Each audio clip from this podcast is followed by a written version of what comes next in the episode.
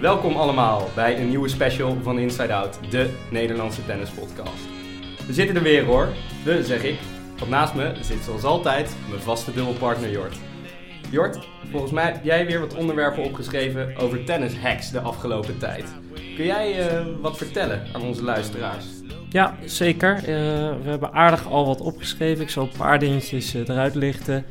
Uh, bijvoorbeeld het spelen tegen linkshandigen. Hoe pak je dat aan? Ik zag John Milman met een bal rollen in zijn shirt. waarom doet hij dat? Wat heeft dat voor zin? Wordt de bal dan trager of sneller? Ik heb wel een idee, maar daar gaan we dieper op in, op dat soort dingen. Ook gaan we wat dingen proberen omtrent het mentale aspect. Maar daar horen jullie later meer over. Ja, mooi. Aardig lijstje al, man. Maar uh, ja, ik daag ook jullie zeker uh, de luisteraars uit om met mooie suggesties te komen. Misschien heb je zelf wel een aantal trucs die je altijd gebruikt op Matchpoint tegen. En die je toch wel prijs zou willen geven aan de podcast en met andere luisteraars zou willen delen. Laat het ons dan zeker weten. Anyway, we zitten hier vandaag natuurlijk niet met z'n tweeën, mogen dat duidelijk zijn. Uh, ik heb er zin in vandaag, want we hebben namelijk een van onze beste spelers van Nederland bereid gekregen om mee te kletsen over hoe hij het leven op de Tour ervaart. En dan heb ik het natuurlijk over de man die opgroeide in Haarlem en altijd uitkwam voor TC Zandvoort. Het is de jongste en tot nu toe toch wel meest succesvolle van drie prima spelende broers.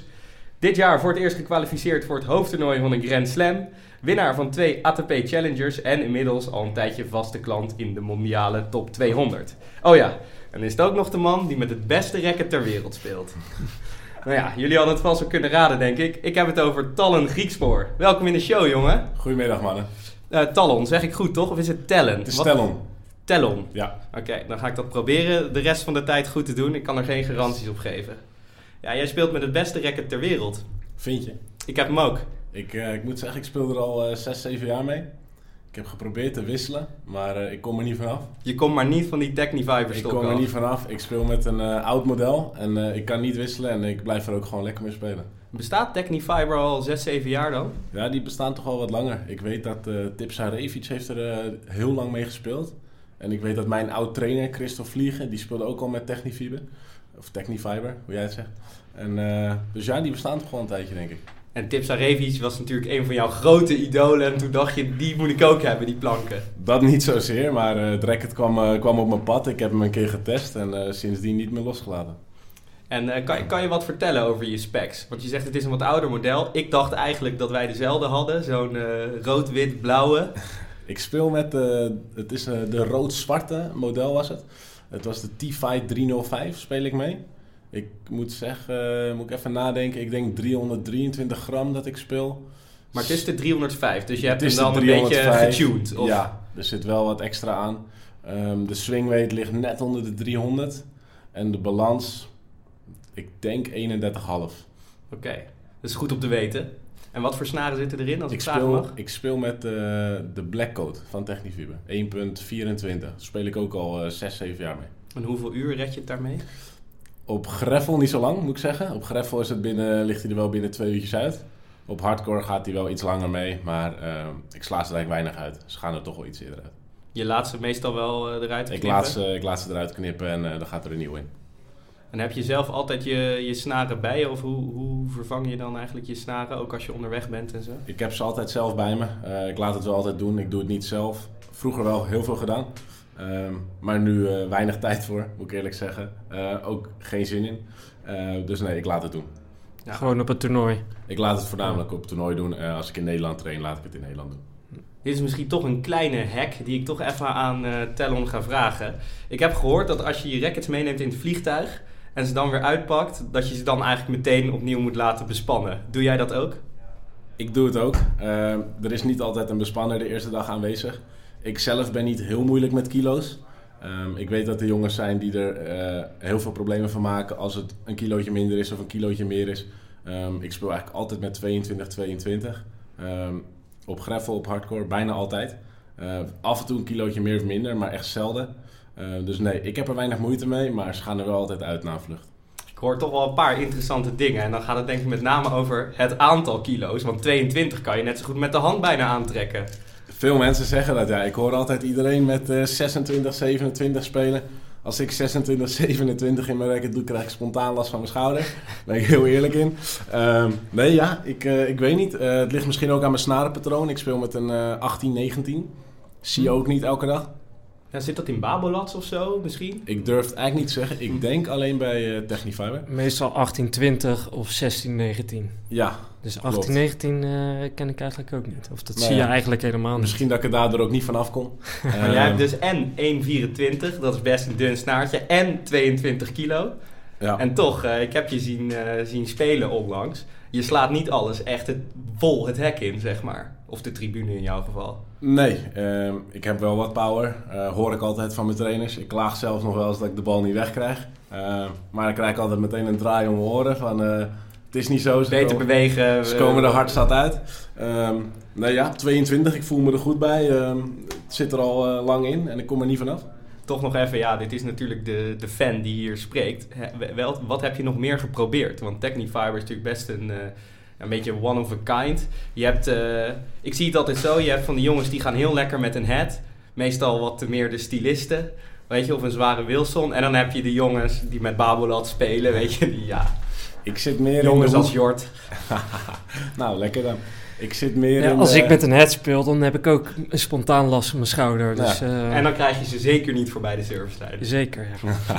ik moet zeggen, ik, heb, eh, ik ben meer van de heads, de Wilsons. Eh, mijn racket ligt ook iets meer die kant op. Dat model is het ook wel een beetje.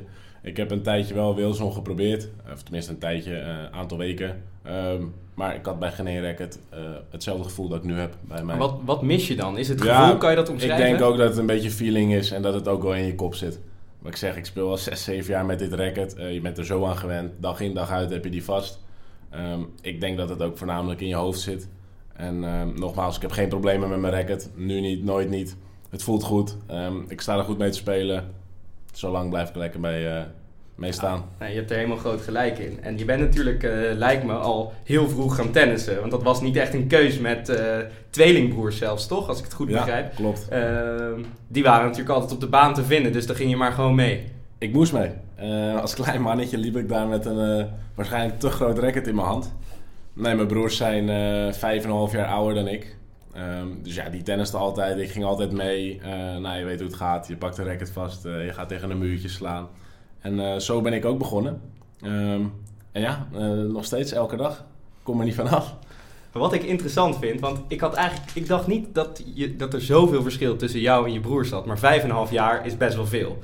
Want toen jij tien was, kon je waarschijnlijk lekker tennissen, maar die gasten waren 16. Waar ik nu gewoon heel erg geïnteresseerd ben, is... Je hebt gewoon heel vaak van ze verloren. Dat kan niet anders. Maar wanneer is dat moment gekomen dat je ze begon op te rollen? Het heeft lang geduurd, daar ben ik heel eerlijk in. Ehm, ik moet zeggen, ik heb altijd het voordeel gehad dat ik met mijn broers kon trainen. Ehm, ik, was, ik, zeg, ik was 12, hun waren 18. Ik kon altijd met betere jongens trainen. Ehm, het moment dat ik van ze begon te winnen, is niet heel lang geleden. Ik denk dat, het, eh, ja, dat ik een beetje op de ranking kwam van eh, 300. Ik denk dat eh, Scott stond toen ook rond de 300. Kevin was net gestopt. Ehm, maar het heeft lang geduurd voordat ik van ze begon te winnen. En eh, heb, on- tenminste onlangs, vorig jaar tijdens de Masters nog tegen mijn broer gespeeld. Toen verloor ik van hem. 6-4 derde set. Ehm, overigens heel moeilijk om tegen je broer te spelen. Eh, we hebben best wel vaak tegen elkaar gespeeld, maar het is nooit leuk. Ehm, ik zelf vind het al vervelend om tegen een goede vriend te spelen. Laat staan tegen familie. Ehm, dus nee, dat waren eigenlijk nooit leuke wedstrijden. En ik heb ook heel weinig van ze gewonnen. Helaas. Ondanks, ik moet zeggen, als ze nu een racket vastpakken, heb ik er wel een goed gevoel bij. Ja, dat kan ik me voorstellen, ja. Maar willen, ze, willen zij nu met jou spelen? Dat ze zeggen, ja, ik heb tien jaar lang met jou gespeeld toen je er echt helemaal niks van bakte. En nu wil ik even lekker sparren. Ik moet zeggen, weinig. Ze tennissen allebei. eh Scott is onlangs gestopt. Ehm, ze zijn allebei druk met werk. Eh, ze tennissen niet heel veel meer. In de zomer wel iets meer als het zonnetje schijnt. eh, als de competitie eraan komt. Ehm, op dit moment hebben ze weinig behoefte aan om met mij te tennissen. Nou, kan ik me voorstellen. En jij, stond, eh, ja, jij staat natuurlijk gewoon lekker met andere jongens te trainen. Hey, het gaat gewoon hartstikke goed. Hè? Je top 200 wereldranglijst, dat gaat allemaal eh, goed. Wij willen even wat dieper inzoomen eigenlijk op de hoogtepunten van, eh, van de laatste tijd. Hè? Dus ehm, zou je mij eens mee kunnen nemen, dat, dat is een beetje waar wij willen beginnen. Zomer van 2019. Eh, je reist in goede vorm af naar de US Open. Maar niet direct hoofdtoernooi, dus kwalificaties. Ja, ik uh, begon met het toernooi in Vancouver. Um, goede, goede week gespeeld. Ik denk dat ik derde ronde verlies. Ik won van Steve Johnson. Um, die won de week ervoor een Challenger. Die was weer terug in de top 100. Goede overwinning. Ik verloor daarna, ik denk 7-5 derde set. Goede pot, weinig aan de hand. Um, toch met vertrouwen richting New York. Hele goede eerste twee rondes gespeeld, kwalificatie. Was je daar voor het eerst trouwens? Of was je al eerder geweest, jeugdtoernooi? Het was mijn tweede, tweede keer dat ik daar was. Het jaar daarvoor verloor ik in de eerste ronde van Felix Auger. Nou, die kwam ik dit jaar gelukkig niet tegen in de kwalificatie. um, nee, ik speel hele goede eerste twee rondes. Um, ik speel laatste ronde kwalificatie tegen Trungeliti. Uh, een keertje op gravel van gewonnen. Um, ik sta goed te spelen. Ik kom 4-2 achter de eerste set. Kom vervolgens 6-4, 3-0 voor. Want Trungeliti is uh, een Argentijn volgens een Argentijn, mij. Dus dan ja. denk ik meteen, die staat ook in het hek te hengelen. Of valt het met hem wel mee? Hij, was, hij stond defensief te spelen totdat het 6-4-3-0 werd. Toen uh, is hij best wel agressief gaan spelen. Um, ja, nogmaals 6-4-3-0 voor dubbele break zelfs. Um, ik speelde goed, ik voelde me goed. Um, ja, hij speelt een hele goede game naar 3-1. Goede service game naar 3-2. Ik speel een iets mindere game, een klein beetje shaky van 3-2 naar 3-3. En vervolgens klapte ik helemaal dicht vanaf 3-3. En hij kon geen bal meer missen. Um, ja, spanning. Um, ja, je gaat nadenken. Uh, zo. Is het, is het toch wel gebeurd? Ik moet nadenken? zeggen, op dat moment, ik uh, heb niet vaak last van spanning. Op dat moment sloeg ik helemaal dicht. Uh, mijn arm, ja, die was aan het shaken. ik had moeite met serveren. Nou, ik verlies die set met 6-4 of 6-3, durf ik niet te zeggen. Nou, naar het toilet, toch wat tijd nemen. coaching was toegestaan langs de baan daar. Nou, wie, wie had je bij je? Dennis Schenk had ik bij me. En uh, nou, je begint die derde set. Ik denk dat ik meteen gebroken werd. En eigenlijk nooit meer het lek boven gekomen. Um, hij speelde vervolgens een hele goede derde set. En ik was ja, voorzichtig, twijfelend. En uiteindelijk verlies je met 6-2 derde set. Vind het wel knap dat je dat durft te zeggen. Je ja. had ook kunnen zeggen, hij ging gewoon heel goed spelen. Nou, hij ging ook heel goed spelen, maar ik, ja, ik sloeg dicht. Um, wat, wat merk je dan? Want je zegt, ik had last van serveren, mijn arm. Ik heb ook wel eens uh, op een clubtoernooitje wat spanning gevoeld op een moment. Maar dit is natuurlijk nog wel iets anders. Wat voel je dan? Nou ja, ik, het, ik was niet eens zozeer bezig met het hoofdtoernooi. Ik stond gewoon heel goed te spelen. Ik voelde me goed. Ik was fit. Um, ja, misschien toch onbewust van binnen dat je toch gaat twijfelen van shit. Ik ben wel heel dichtbij. 6-4, 3-0, dubbele break. Ja, onbewust ga je toch nadenken. Ik speel ik weet dat ik op 3-0, 15-30 ga ik voor een tweede service hard door het midden. Ik sla een dubbele fout. Op links dus? Op met links. slice? Of... Terwijl ik eigenlijk heel de wedstrijd stond te kicken. Gewoon goed aan het serveren was. En daar voelde ik hem al een beetje. Achteraf dacht ik van ja, dat was wel een punt dat, waarvan ik denk van ja, waarom deed ik dat eigenlijk? Nou ja, misschien toch onbewust spanning. En uh, nou, dat is daarna ook gebleken dat ik daarna wel gewoon spanning had. Uh, ja, mijn arm uh, die was wel aardig aan het trillen moet ik zeggen. Echt aan het trillen? Ja, ik moet zeggen, mijn vingers waren gewoon een beetje aan het shaken. En misschien ook een beetje van ja, wat er allemaal gebeurde. Het was ook overigens heel warm. Uh, het was vochtig. Maar ik, uh, ik had het zwaar daarna, moet ik zeggen. En uh, ik moet zeggen, die wedstrijd heeft ook heel veel pijn gedaan. veel over nagedacht daarna.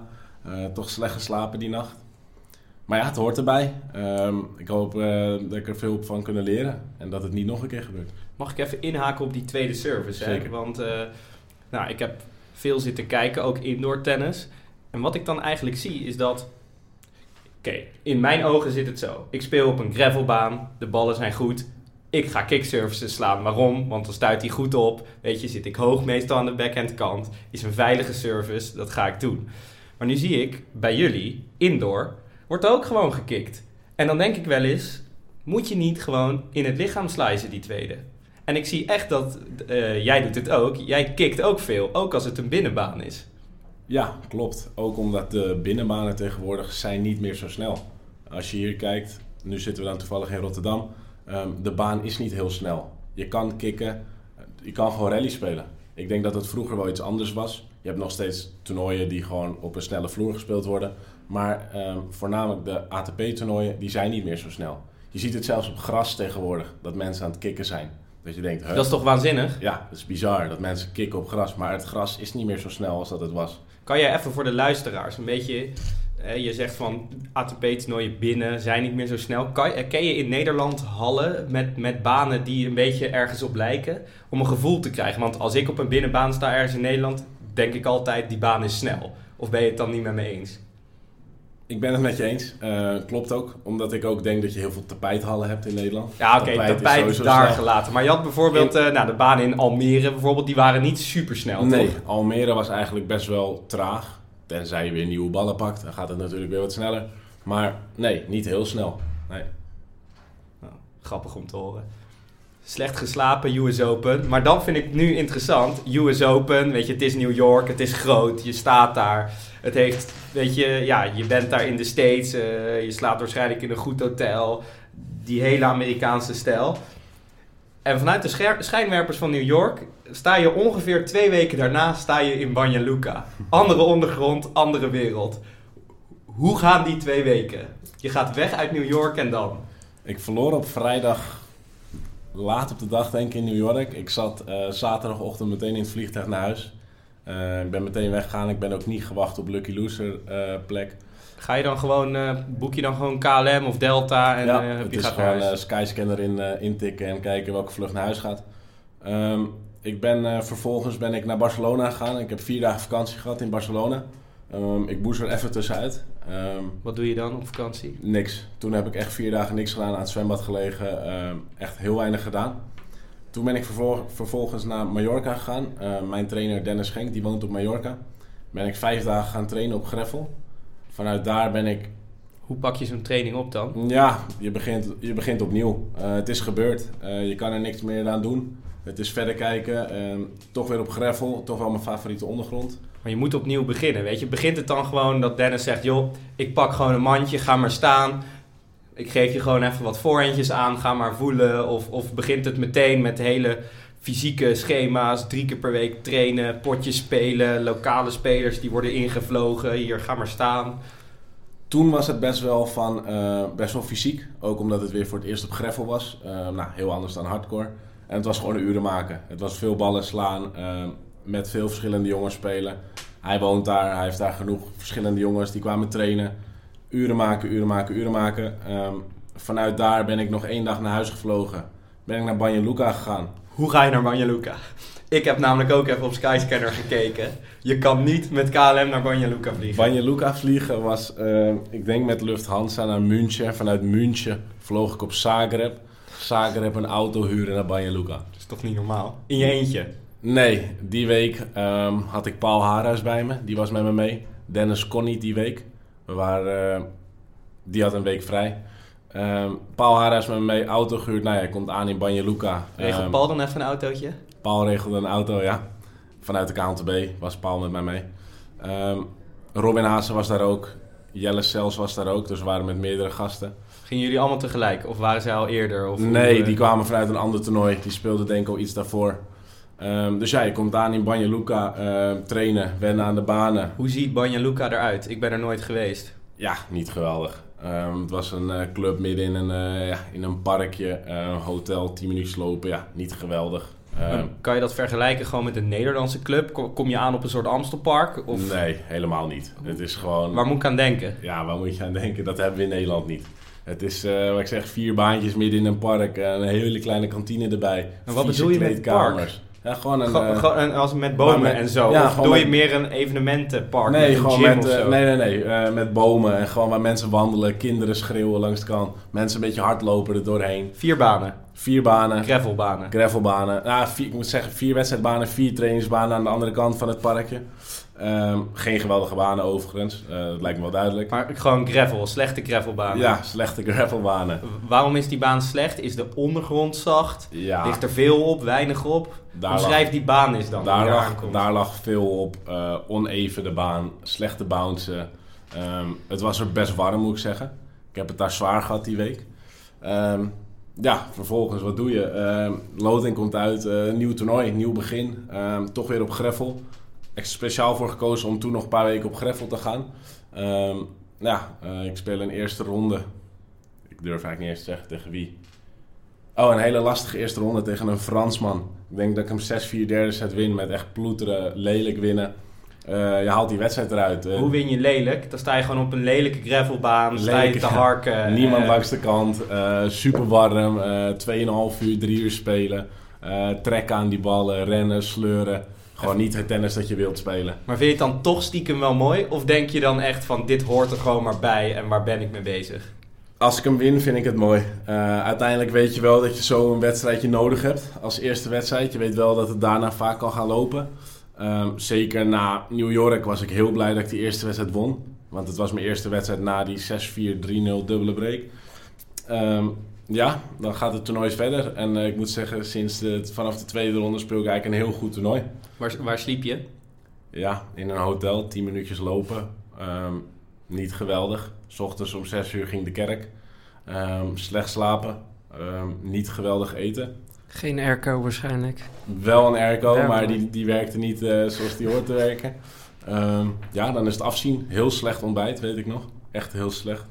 Gewoon heel een beetje van dat Oost-Europese... Ja, eh, gewoon niet het ontbijt dat wij gewend zijn. Eh, het ziet er gewoon niet lekker uit. Alleen maar worst bij het ontbijt en dat soort dingen. Neem je eigen spullen mee? Gewoon een beetje basics of zo? Je eigen repen of je eigen... Weet je, Ja. je kan een paar dingen wel meenemen, neem, neem ik aan, toch? Ja, wel de proteïne repen, de proteïne shakes. Eh, maar uiteindelijk, vaak koop ik op een toernooi bij een supermarkt ook nog wel wat voor het ontbijt.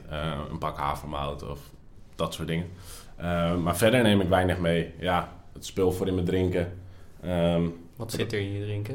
ik gebruik eh SIS, S-I-S, Is dit een hack? elektro, elektrolyten. Lieten. Ehm, ja, zakjes poeder, die gooi ik in mijn water. Waarom gebruik je dat? Ehm, ja, toch voor energie tijdens de wedstrijden, tijdens trainingen. Ehm, om niet alleen water te drinken. S-Y-S. Nee, S-I-S. Oh, S-I-S gewoon. Sis. Oké, ja, dat... eh, ik ga... Ik word er overigens niet door gesponsord, dus eh, het is niet dat ik reclame maak. Mag altijd, maar eh, Jort is bijna jarig. Oh. Dus ik ga die jongen wel Oh, even ja? een, een mooi cadeautje doen. Want die kan het ook wel gebruiken als die in de derde set staat te ploeteren. Meestal hou ik het bij water. Af en toe een aquariusje, maar eh, verder moet je het met water. Tenminste, ik eh, moet het wel volhouden. Jouw lucht krijg bijna, krijg bijna nooit kramp, dus... eh, Ik overigens ook niet. Ehm, maar ja, het is ook uit, eh, uit voorzorg. En, eh, Heeft iemand je dat aangeraden? Of ben je gewoon zelf eh, op zoek gegaan naar... nee, eh, dat is mij wel aangeraden. Daar heb ik wel eh, hulp mee gehad. En ik gebruik dit spul nu al eh, een aantal jaar. Komt dat vanuit de tennisbond of zoiets? Ehm, dit komt niet vanuit de tennisbond. Oké, Ehm, ik zit nu wel sinds kort bij de tennisbond, maar dit, eh, dit had ik al. oké. Cool. Maar Dus je, je, je speelt na de US Open, ga je Banja Luka spelen. Ik kan me, ik weet het eh, hele toernooischema eh, ken, ik, ken ik natuurlijk niet uit mijn hoofd, maar ik kan me ook wel voorstellen dat, een- dat er andere toernooien waren in, in Frankrijk waar, of in Spanje waar het allemaal wat beter is geregeld. Waarom kies je dan voor Banja Luka? Eh, met name omdat hij op greffel was. En omdat ik ervoor koos om vier weken op greffel te gaan spelen. Ehm, en ik, de- volgens mij was Banja Luka de enige week op greffel. Mm, Dichtbij? Ik denk dat ik op groen greffel had kunnen spelen in Amerika. Dichtbij. Ja, Twee vluchten, auto huren van een dichtbij. Europa. Ehm, en ja, ook. Ik weet dat Robin Haase ging erheen. eh, dat was Ja. ook, ja, we gingen daar samen heen. Ja, vandaar de keuze Banja Luka. En ik ben blij dat ik erheen ben gegaan. Ja, ik wil het zeggen. Nou, ja, het toont wel aan na die eh, wedstrijd in New York. Nou ja, goed, dat het best wel zwaar kan zijn. Nou, ik, ik denk als je het nu zo vertelt, zou ik je eerste rondje op gravel, slechte baan, slechte omstandigheden, zou ik er geen stuiver voor geven. Maar dat is toch wel netjes dat je dan meteen eh, Ja, de eerste ronde wint en meteen ook het toernooi Het was ongelooflijk, want ik heb die, eh, ik denk dat ik mijn kwartfinale en mijn halve finale heb ik eh, ruim twee uur en drie kwartier op de baan gestaan. Allebei een kleine drie uur. Ehm, ik had het fysiek ongelooflijk zwaar die week. Ehm, ja, het was mijn eerste week op greffel, toch weer anders. Het was warm. Ehm, ik weet dat ik de finale speelde ik tegen een Indiër, Nagal. En die, we lagen de middag ervoor allebei bij de fysio. Allebei echt anderhalf uur bij de fysio gelegen. Hij kon ook niet meer, ik kon niet meer. En eh, ik weet dat ik de finale super direct stond te spelen en ik, ik hield het niet echt vol. Wat bedoel je met direct Ja, spelen? dicht op mijn lijn, return snel nemen, af en toe surfvolley erin. eh. Kan dat op een slechte baan? Ja, nou, het was zo slecht was het ook weer niet. Nou ja, Eh, ik weet het niet. Ja, nee, ik, eh, zo ik, ik probeer het ook wel eens om returns op te zoeken. Maar die baan moet echt heel goed zijn. Nou heb jij waarschijnlijk ook iets meer talent dan ik. Maar toch. Nee, ja, ik, ik moest wel. Ehm, ik speel wel vaker direct op greffel, maar die wedstrijd... eh, ik speelde een hele goede wedstrijd. Ik denk dat ik die finale 6-3, 6-2 win. En eh, ja, ik, ik veegde hem van de baan. En ik had hem ook wel nodig, moet ik zeggen, die korte wedstrijd. Want een, eh, nog een lange drie-setter eh, was heel zwaar geworden. En wat, eh, wat denk je dan? Want dan, dan, ja, dan, dan win je de cup in Banja Luka. Kan je dan s'avonds een beetje ergens eh, eh, iets leuks doen? Mm, iets leuks doen? Nou, nee. Ehm, het was vooral... ik heb wel lekker gegeten die avond, moet ik zeggen. Ehm, en het was door naar het volgende toernooi. Meteen die avond was het... ik weet dat ik na mijn wedstrijd... Nee, ik heb niet lekker gegeten. Ik ben na de wedstrijd meteen in de auto gestapt. Met Paul, Met Paul. diezelfde auto. Ja, ik moest Had naar... hij Europa even afgekocht. Ja. Moest hij overal heen We rijden. moesten, nou, we moesten terug naar Zagreb. Ik denk dat dat, eh nee, moet ik goed zeggen, ik denk dat dat twee uur rijden was. Ik vloog van eh Zagreb terug naar München. En toen vloog ik van München naar Sibiu. Dit is toch niet te doen? Nee, deze was, deze was heftig. Dus, maar maar je, wist al wel, je wist ook wel dat dit ging gebeuren. Je had je tickets geboekt. Je wist, ik ga die finale spelen. Terug in de auto naar Zagreb. Vliegen naar München. En, en van München kan je naar Sibiu. Ja, ik wist dat ik daarheen moest. Ehm, ik wist niet dat het zo dramatisch daarheen komen was. En ik, ja, ik speelde de finale. Ik moest daar zo snel mogelijk weg, want ik moest zo snel mogelijk in Sibiu zijn. Ik zit even te denken. Hè. Ik, ik, heb, ik, ben, ja, ik probeer dat voor me te zien. Roemenië, Sibiu. Ah, Dat klinkt als een enorme omweg. Alsof je bijna een cirkel bent gegaan. Je terug naar Ja. München en dan weer diezelfde hoek. Kon je niet rijden bijvoorbeeld? Of Het ja, was- alles gecheckt natuurlijk. Het was tien uur rijden. Dus het was de keuze of tien uur rijden of en dan acht kom je uur. er s'nachts aan of zo. Ja, of acht uur reizen.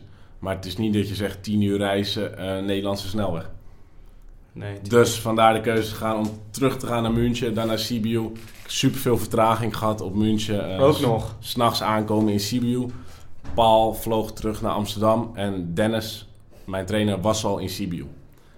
Maar ik kwam vervolgens aan in Sibiu. eh, Zondagnacht dus. Toch? Of eh, maandagnacht? maandagochtend, vroeg. Eh, ik je had de hele nacht gereisd. Ja, heel de nacht gereisd. Ik denk dat ik om vier uur s ochtends aankwam. Wat denk je dan? Ja, wat doe ik hier? Maar ook, je hebt ook dus al vijf wedstrijden gespeeld, waarvan de meeste drie uur.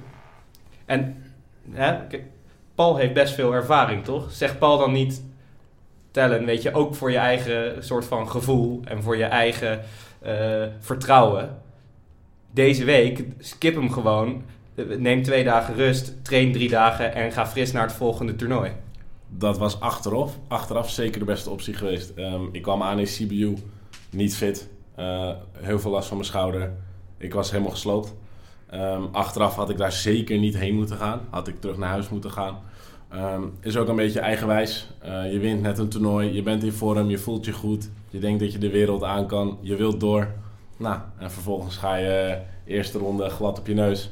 Ehm, kansloos. Ehm, Moest je, moest je dinsdag spelen? Of kan, je dan nog wel zeggen, jongens, ik win vorige week Banja Luka, gasten. Ik, ik begin woensdagmiddag, 4 uur. de meeste supervisors die denken wel een beetje na en eh, die helpen je wel. Maar ik speelde op woensdag, maar dat had alsnog niet uitgemaakt, want ik was niet fit genoeg. Ik was er niet klaar voor. Ehm, wel de baan opgegaan. Goeie speler? Ja, goede Eerste tegenstander, speelde een goede wedstrijd. Ehm, ik denk als ik fit was geweest dat ik, de kans groot was dat ik die had gewonnen. Maar ik was niet fit genoeg. Ehm, ik was op, ik was leeg. En eh, achteraf had ik daar beter niet kunnen spelen. Maar wat ik zeg, dat is een beetje eigenwijs. Eh, je hebt vertrouwen, je wint het toernooi. Juist dan wil je door. Dat snap ik ook, tuurlijk. Ja, en misschien is het ook wel eh, goed om even te kijken naar... kijk, je wint het toernooi. Als je dan die uitslagen kijkt... Je speelde die week daarna nou, niet tegen een top 200 speler, volgens mij. Eh, dan denk je heel snel... Oh, dat zal hij dan ook wel even winnen. Maar kun jij uitleggen of beschrijven... hoe klein eigenlijk het verschil is... tussen bijvoorbeeld een nummer 100 en een nummer 200 en een nummer 300? Het verschil is echt minimaal. Ehm, ik denk dat veel mensen zich daarop verkijken. Mhm. Ehm, of je 100, ik wil bijna zeggen of je 50 staat, 80, 100, 220. Ik wil eigenlijk zeggen tussen de 100 en de 300 zit super dicht bij elkaar. Ehm, iedereen kan een voorhand slaan, iedereen kan een backhand slaan. Ehm, mentaal is een groot aspect. Ehm, hou je het fysiek vol. En ik denk dat het constant zijn is een hele belangrijke factor. Dat zie je als je naar de grote jongens kijkt. Die zijn allemaal week in, week uit super constant. Zijn fit om week in, week uit te spelen. En die brengen elke dag een bepaald niveau. Ehm, dat zie je aan jongens die... Ik denk dat er een paar jongens zijn die rond de 250, 300 staan. Die zeker in de top 100 kunnen staan. kunnen het misschien niet opbrengen, ehm, zijn niet constant genoeg, ja, zijn te wisselvallig. Ehm, ja, als je kijkt naar jongens die 80, 90 staan, zijn misschien niet de beste tennissers. Maar ja, leveren wel elke dag en uh, halen er alles uit. Ja, precies. En daar uh, wordt nog wel eens, verkijkt men, ons, uh, men zich nog wel eens op. Dat je bijvoorbeeld Robin, die verliest dan de eerste ronde op ba Bangkok. Dan denk je, hoor je alweer in je omgeving, ja, het is klaar met Robin. Hij verliest nu van die... Van Arna Boldi, die staat 320. Ja, ja. ja als je dat neemt, een Arna Boldi is gewoon een goede tennisser. De jongen heeft ook top 200 staan, denk ik. Um, is gewoon een goede speler. En, en, die, en die heeft, nou, die is een klein beetje underdog in die wedstrijd. Die heeft misschien niks te verliezen voor zijn gevoel. Uh, Robin voelt wat druk, die moet winnen. Eerste wedstrijd van het jaar. Is geen schande dat je daarvan verliest. Want ook die jongen kan tennissen. Maar dan wordt er heel vaak vanuit de media geschreven, wat je al zei, van ja, uh, Haase is klaar. Haase vroeg onderuit.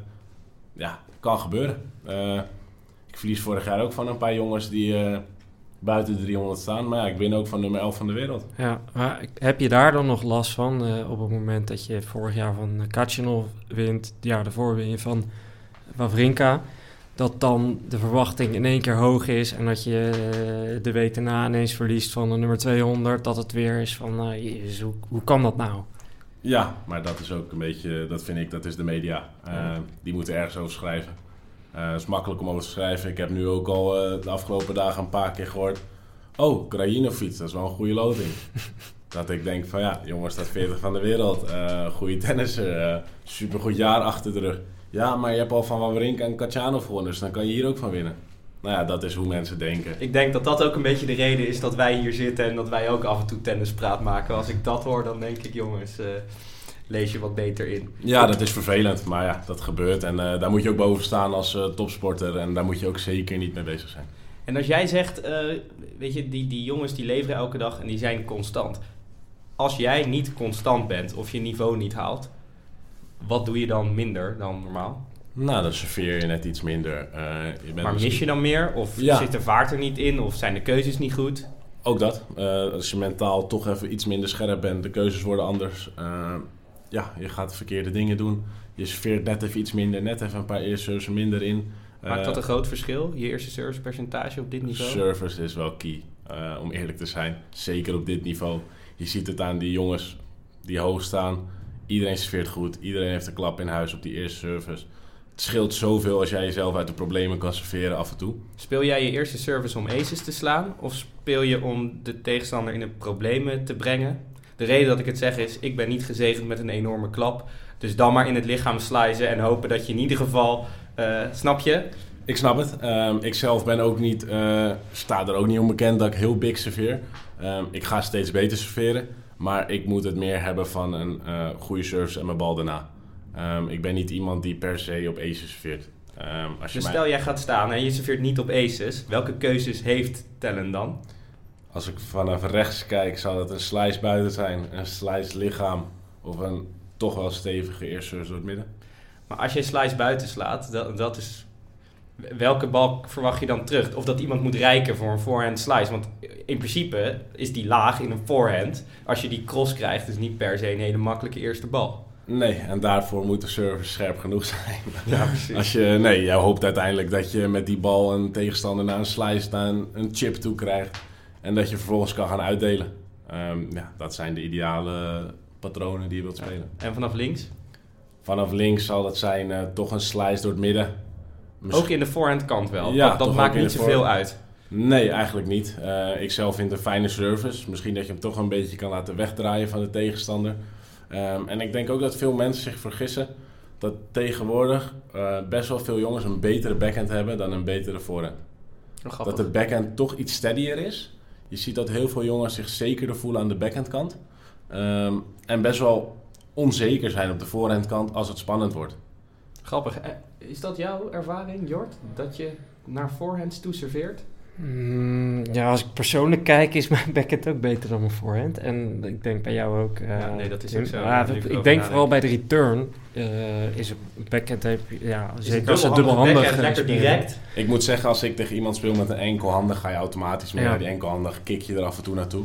Um, maar ja, je ziet wel heel, ja, je ziet heel veel jongens die gewoon toch wat zekerder zijn op de backhandkant. Zeker twee handen. Ehm, nu zou ik bij Federer ook wegblijven aan de backhandkant. Maar ook aan de voorhandkant. Ehm, Zou je Federer dan lichaam serveren of bedoel je dit meer als heeft toch geen zin wat ik doe? nee, ja, Federer, ja, ik zou, ja...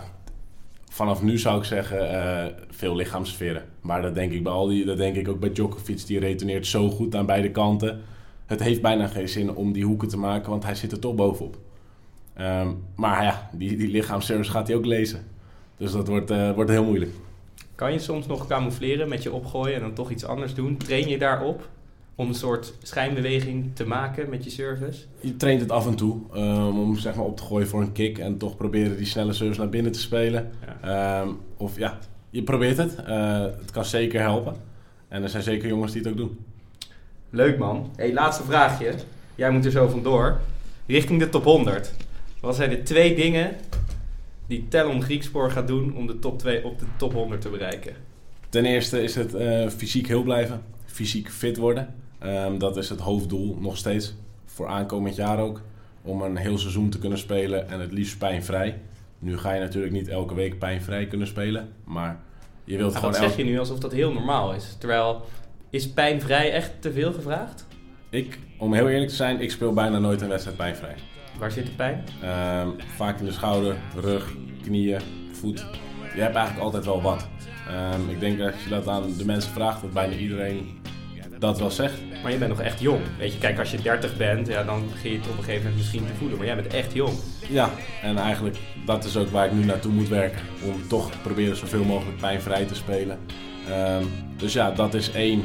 En twee, eh, wat ik al zei, is constant te worden. Eh, dag in, dag uit eh, een bepaald niveau leveren waarmee je wat kan. Ehm, ook op mindere dagen, als je je niet goed voelt, als je niet goed speelt, om toch wedstrijden eruit te halen. Ehm, zelfs met je op een mindere dag. Leuk man. Nou, goed om te horen. Eh, we gaan je zeker volgen. We gaan lekker afronden. Onwijs bedankt. Veel succes richting de top 100. Jullie ook bedankt. Ehm, dus ja, nog één allerlaatste vraag. Wie zou jij nog in de podcast willen horen? Oeh, goede vraag. Ehm, Het wordt ook steeds moeilijkere vraag, omdat Ik, we al eh, steeds meer gasten gehad hebben. En we verwachten niet van je dat je ze allemaal eh hebt ik weet niet wie we allemaal zijn geweest, maar ik zou eh, Jean-Julien Royer wel willen horen. Ah, die is nog niet geweest en dat vind ik wel een goede tip. Is goed. Dus daar gaan we naar kijken. Ook bedank ik weer de luisteraars van Inside Out. Ehm, in ieder geval, eind februari horen jullie ons sowieso weer voor het journaal. Dus groetjes